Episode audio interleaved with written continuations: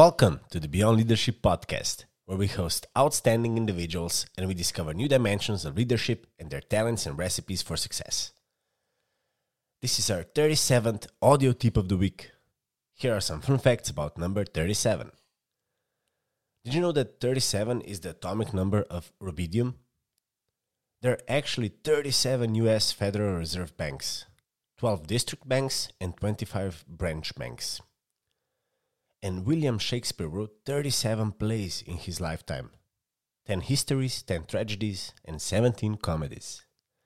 And the first score in Super Bowl history was a 37 yard touchdown pass from Green Bay Packers quarterback Bart Starr to receive Max McGee.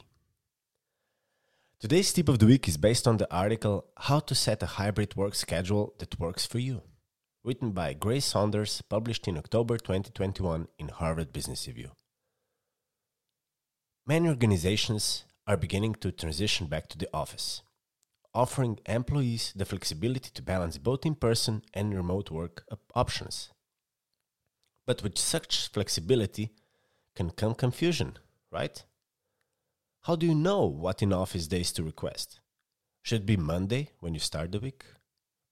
Friday, when you end the week, to prepare for next week? What is the right formula? We all know that hybrid work is going to have upsides and downsides. If you're about to transition into such an arrangement, you want to set a schedule that makes sense for you. Here are some questions to ask yourself. First, when does my team need me? To maximize your team productivity, you'll also want to identify what kind of interactions, in person or virtual, will be most effective. If some of your colleagues better comprehend what you are saying and can retain and respond to the information more appropriately when you're in person, try to plan some in office days to align with when those individuals will also be present. Question number two When do I feel the least motivated? You might use the in office time to invigorate yourself when you're feeling lower energy. In the same way that going to the gym makes it easier to work out, going to the office can make it easier to get work done when you're not just feeling it. Question number three Which meetings do I prefer to have in person?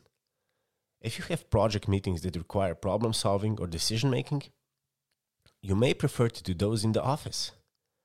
Schedule your in office days or when those meetings are held. And final question How can I maximize my energy?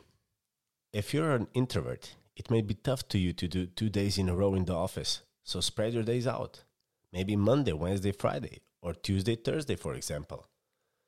On the other hand, if you're looking forward to more socializing, consider going into the office multiple days in a row Tuesday, Wednesday, Thursday, or Monday, Tuesday, Wednesday, whatever works for you.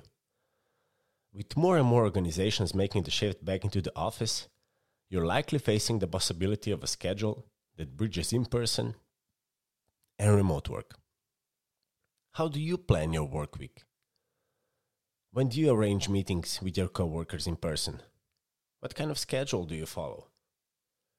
This was this week's tip of the week. Make sure to subscribe and follow us on all podcast channels like Spotify, Apple, Google, Castbox, and also follow us on YouTube, LinkedIn, Instagram, and Facebook. And we also have an amazing new website, beyondleadership.si. Till next time.